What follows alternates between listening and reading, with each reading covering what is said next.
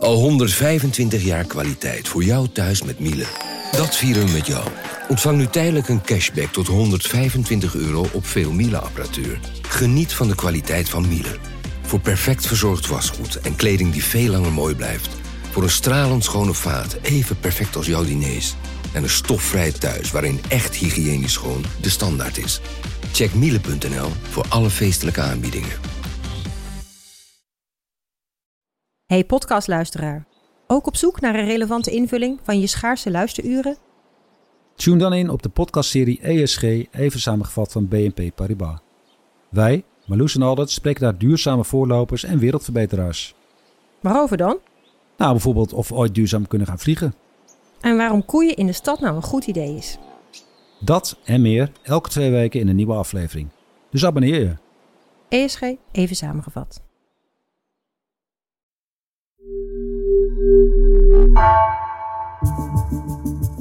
Vanaf de redactie van NRC het verhaal van vandaag. Mijn naam is Geertje Tunter.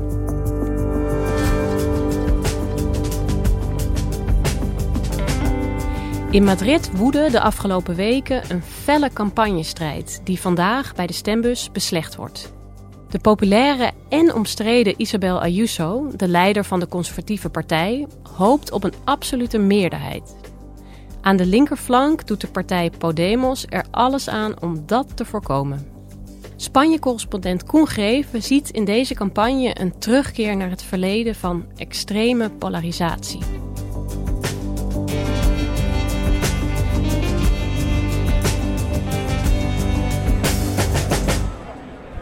Het is even voor half zes. We staan voor de grote poort van Las Ventas, stierenvechtersarena van Madrid. Is niet even de oudste arena, is wel een van de belangrijkste, misschien wel de belangrijkste stierenvechtersarena ter wereld. Hier komt echt het crème de la crème van het stierenvechten. Er is al meer dan een jaar geen gevecht gehouden vanwege de covid. De muziek zal zo, zal zo meteen gaan stoppen. En dan gaan de poorten open voor de eerste stier. De eerste Toro Bravo.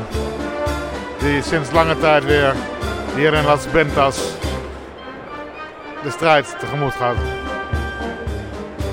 Koen, uh, kun jij vertellen waar jij zondag was? Ja, bij een bijzonder evenement in Madrid. Namelijk uh, het stierenvechten. Wat een jaar lang heeft stilgelegen vanwege de covid uiteraard. En er is hier een field lab georganiseerd. Uh, met 6000 mensen die uh, weer naar het stierenvechten zijn gegaan afgelopen zondag. Vandaag is er een speciaal gevecht met zes verschillende toreadores. Met grote namen als Diego Ventura, El Gulli, Eduard Ponce. En ja, het is ook een beetje of je teruggaat in de tijd. Uh, met muziek, met mensen uh, met mooie kleren. Het, chic Madrid. En als je binnenkomt, ja, lijkt het of de tijd heeft stilgestaan. En je teruggaat naar de vorige eeuw. Dat is ook wat sommige Madrilenen hierin zoeken. Een hang naar het verleden, een hang naar een andere tijd.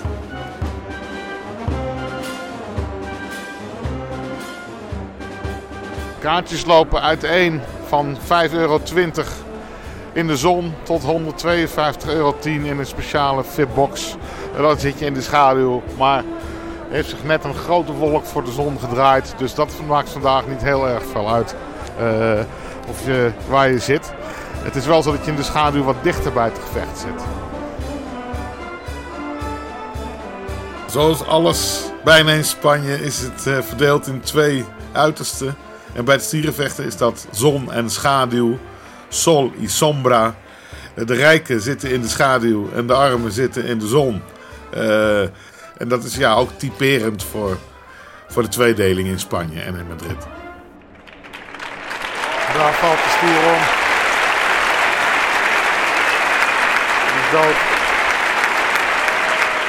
En het publiek zwaait met witte zakdoekjes als teken dat ze vinden dat hij het goed heeft gedaan. En eigenlijk een oor van een stier verdient.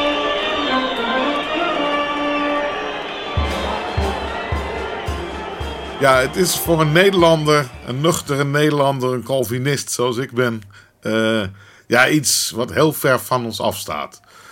Uh, dat vind ik ook wel weer aantrekkelijk als correspondent om te zien en om te voelen. Wat zien die Spanjaarden hier nou in?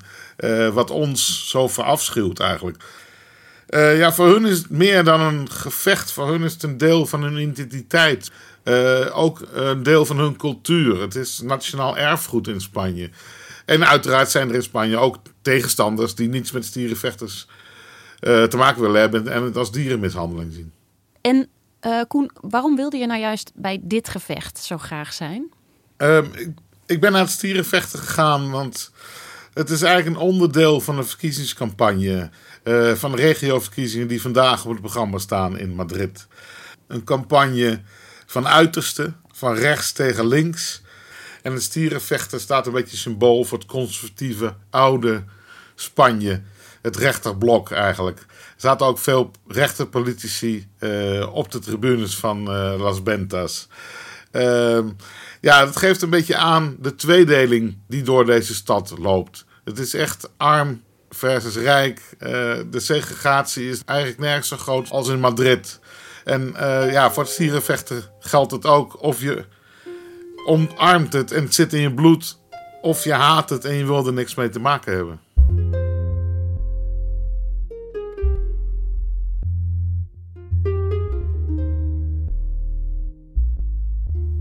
Vandaag gaan de Madrilenen naar de stembus om een nieuwe regio-regering te kiezen.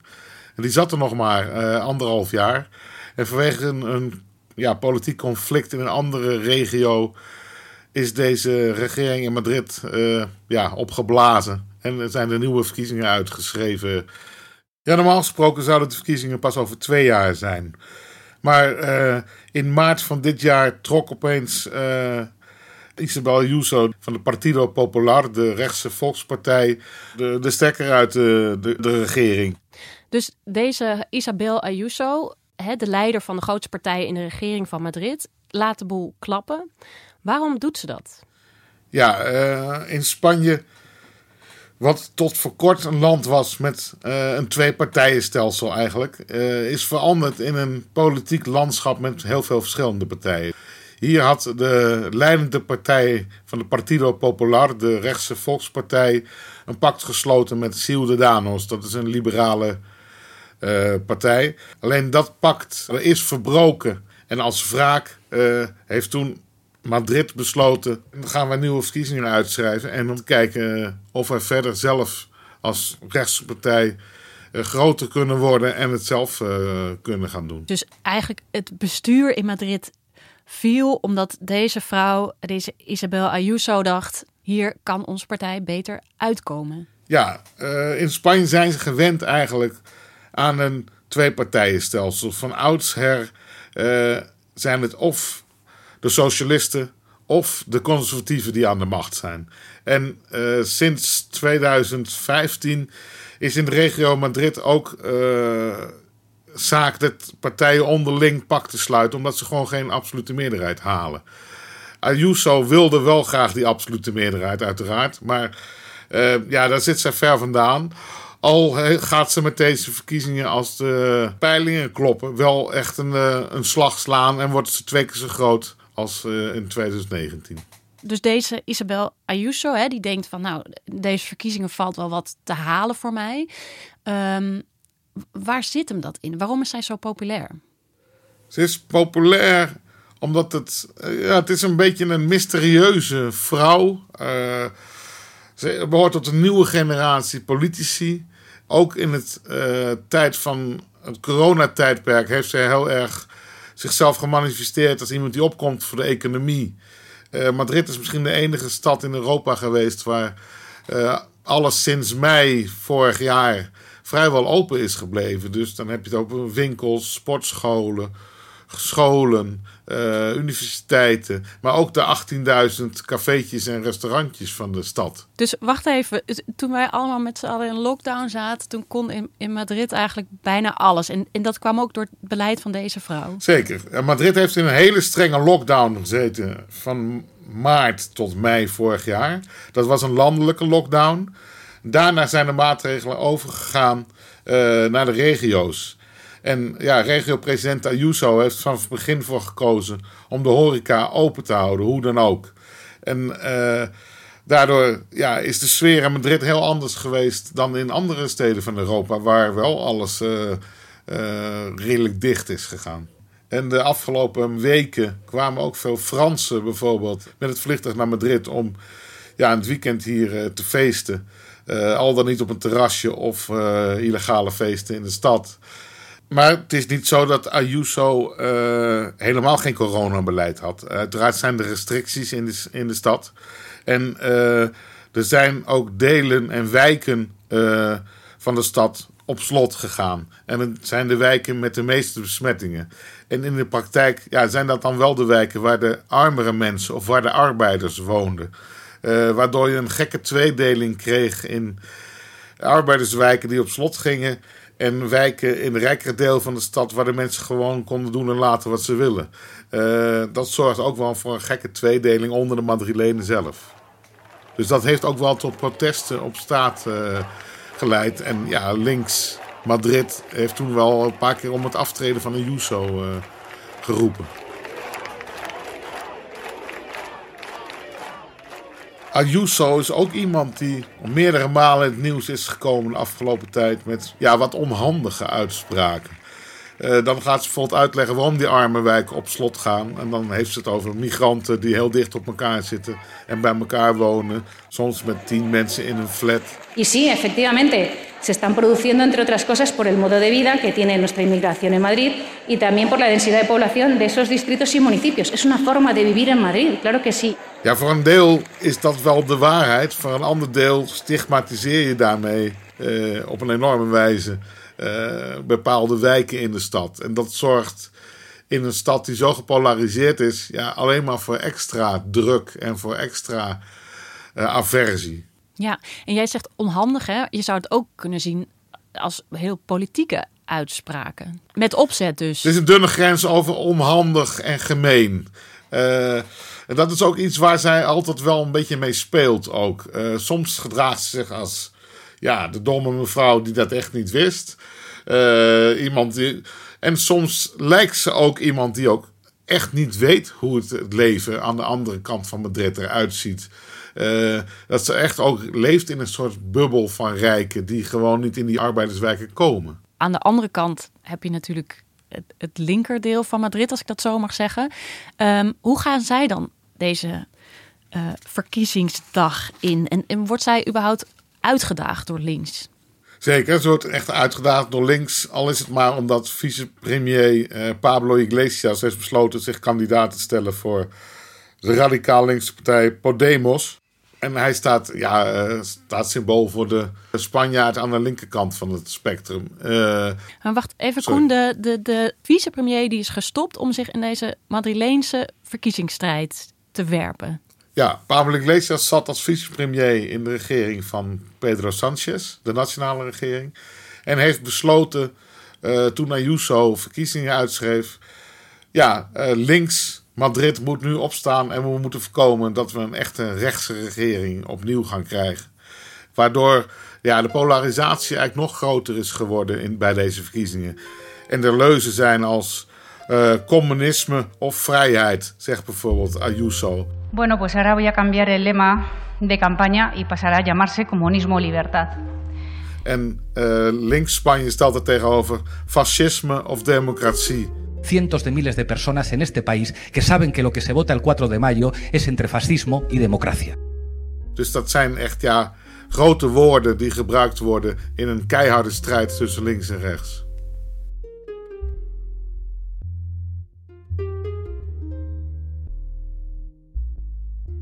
Als de, de nationale vicepremier dus uit het huidige kabinet stapt om zich hier met Madrid te bemoeien. Uh, uh, als je die leuzen hoort hè, van hoe hard die strijd is tussen links en rechts. Nou, dat gaat dus echt ergens over. Maar kan jij eens vertellen, waarom is eigenlijk het bestuur van Madrid zo belangrijk? Ja, Madrid is toch de hoofdstad van Spanje. Er wonen 6 miljoen mensen in de regio van, uh, van Madrid. En uh, in Spanje is veel macht naar de regio's gegaan. Dus ze mogen zelf beslissen over nou ja, gezondheidszorg, nu heel belangrijk met COVID. Ze uh, hebben zelf hun eigen onderwijsprogramma's. Ze mogen zelf besluiten nemen, soms over, over veiligheid. Dus ja, het is heel belangrijk of links of rechts in zo'n stad aan de macht is. En welke thema's spelen er? Nou ja, uiteraard corona, hè, dat zei je net al. Ja, uh, deze verkiezingen zijn eigenlijk overschaduwd door twee dingen: de pandemie van uh, corona. En ook door ja, de polarisatie heeft ertoe geleid dat er ook daadwerkelijke bedreigingen zijn geweest uh, onderling. zeven politici hebben bedreigingen thuisgestuurd gekregen of, of die werden onderschept. En dan hebben we het over kogelbrieven of een mes met bloed eraan. Ja, nou ja, dat toont inderdaad aan, hè, uh, kogelbrieven en bebloede messen, uh, dat het enorm hoog oploopt daar. Um, de hele stad is verdeeld in kampen, links of rechts. Is er nou een verklaring voor dat het juist in Madrid uh, zo scherp is, die verdeling? Ja, Spanje is natuurlijk een vrij jonge democratie. sinds 78, dus dan hebben we het over 43 jaar. En daarvoor was er 40 jaar dictatuur. En Spanje ja, werd gekenmerkt door een strijd tussen communisten en frankisten. Tussen links en rechts, rood en blauw. En ja, heel veel van die mensen die dat meegemaakt, die leven uiteraard nog steeds. En de jongere generatie Spanjaarden lijken ook weer getroffen te worden door, dit, deze polarisatie. In plaats van dat er grote partijen op het midden ontstaan.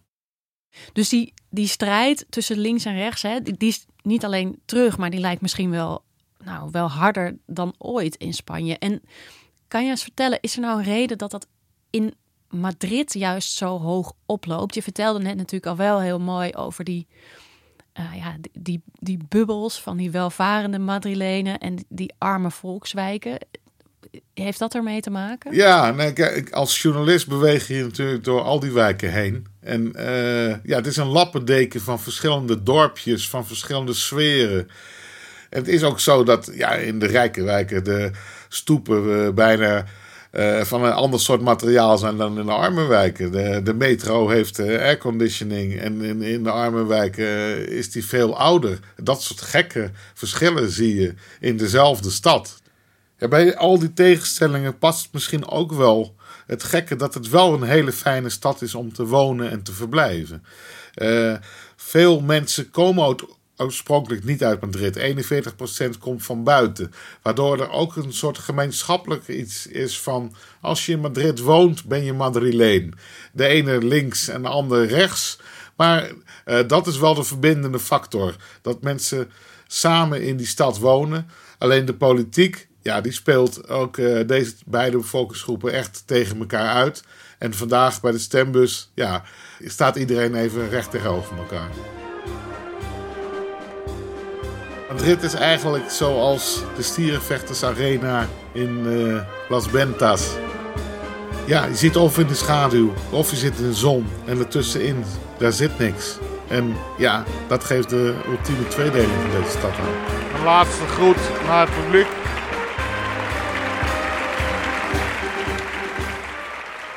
Dankjewel, Koen. Graag gedaan.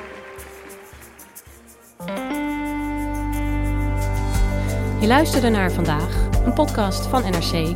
Eén verhaal elke dag. Deze aflevering werd gemaakt door Iris Verhulstonk, Nina van Hattem en Stef Visjager. Dit was vandaag, morgen weer.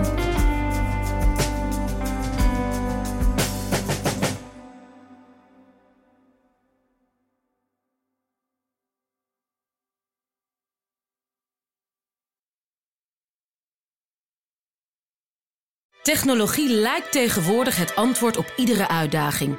Bij PwC zien we dit anders. Als we de potentie van technologie willen benutten, kunnen we niet zonder een menselijk perspectief. Human-led, tech-powered noemen we dat. Ga naar pwc.nl.